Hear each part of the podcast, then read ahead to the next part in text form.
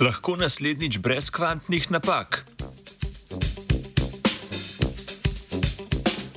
V današnjem znanstvenem Britofu sledimo tehničnim napredkom iz sveta kvantnega računalništva. Ekipa avstrijskih in nemških znanstvenikov ter znanstvenic poroča o izjemnem dosežku. Demonstrirali so namreč univerzalna kvantna vrata, ki se ponašajo z odpornostjo na prav vse vire napak, vključno s tistimi v kvantni fazi. Članek je bil nedavno objavljen v reviji Nature, prednatis pa je prosto dostopen na spletnem repozitoriju Archive.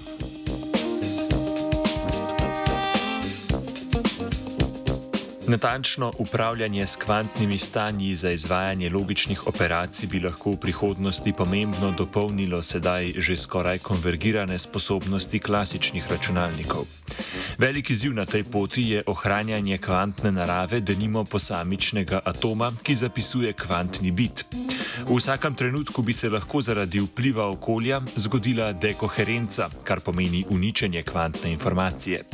Za preprečevanje tega se je v zadnjih letih razbohotila tehnologija tako imenovanega kvantnega popravljanja napak, ker je navadno veliko fizičnih kvantnih bitov združenih v logične kvantne bite.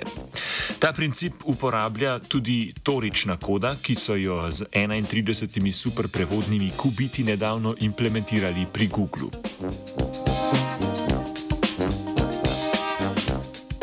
Tudi tam so se bili primorani srečati še z naslednjo težavo. Odpornost logičnega stanja na dekoherenco ne preprečuje kvarjenja informacije pri logičnih operacijah. Te so namreč lahko implementirane s končno natančnostjo, pri velikem številu fizičnih kubitov pa za vsako logično operacijo potrebujemo ogromno število fizičnih manipulacij.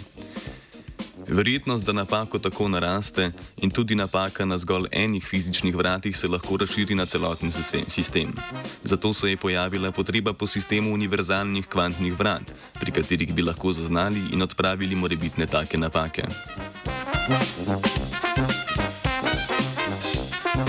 Raziskovalci in raziskovalke so svoj logični kubit realizirali s sedmimi atomi v ionski pasti s tehnologijo barvne kode. Logični operatorji v kodi so sestavljeni iz sedmih fizičnih vrat, sistem pa omogoča odpravo vseh napak, lokaliziranih na posamičnem fizičnem kubitu. To so lahko zagotovili z dodatnim pomožnim kubitom, ki ima vlogo nekakšne rdeče dvignjene zastavice in signalizira, da je priprava kvantnega stanja spodletela ter da je treba postopek ponoviti. Ta postopek je omogočil, da je po delovanju s kvantnimi vrati logični kubit zvesto pristal v pričakovanem stanju.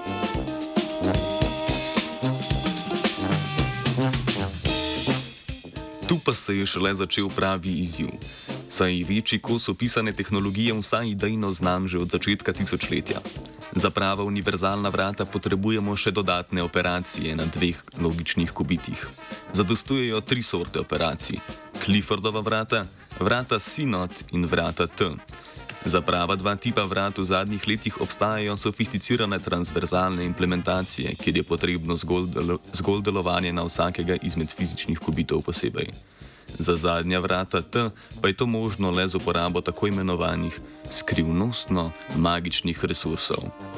Tu so se zanašali na nedavno formuliran robusten postopek kvantne teleportacije vrat med dvema logičnoma kubitoma.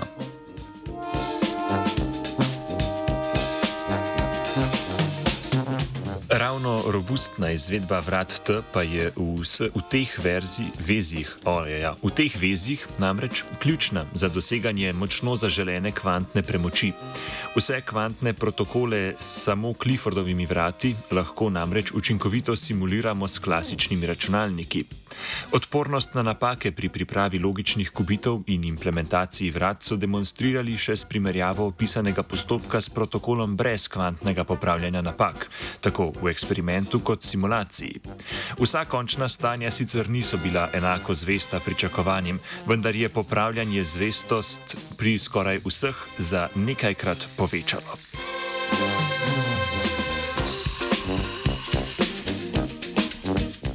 Trik s kvantno teleportacijo sicer zahteva meritev na enem izmed logičnih kubitov, zato so ga lahko izvedli le na koncu svojega protokola.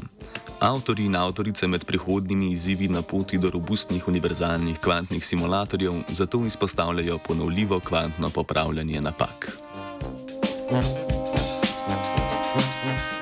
Zbritov je napisal Martin.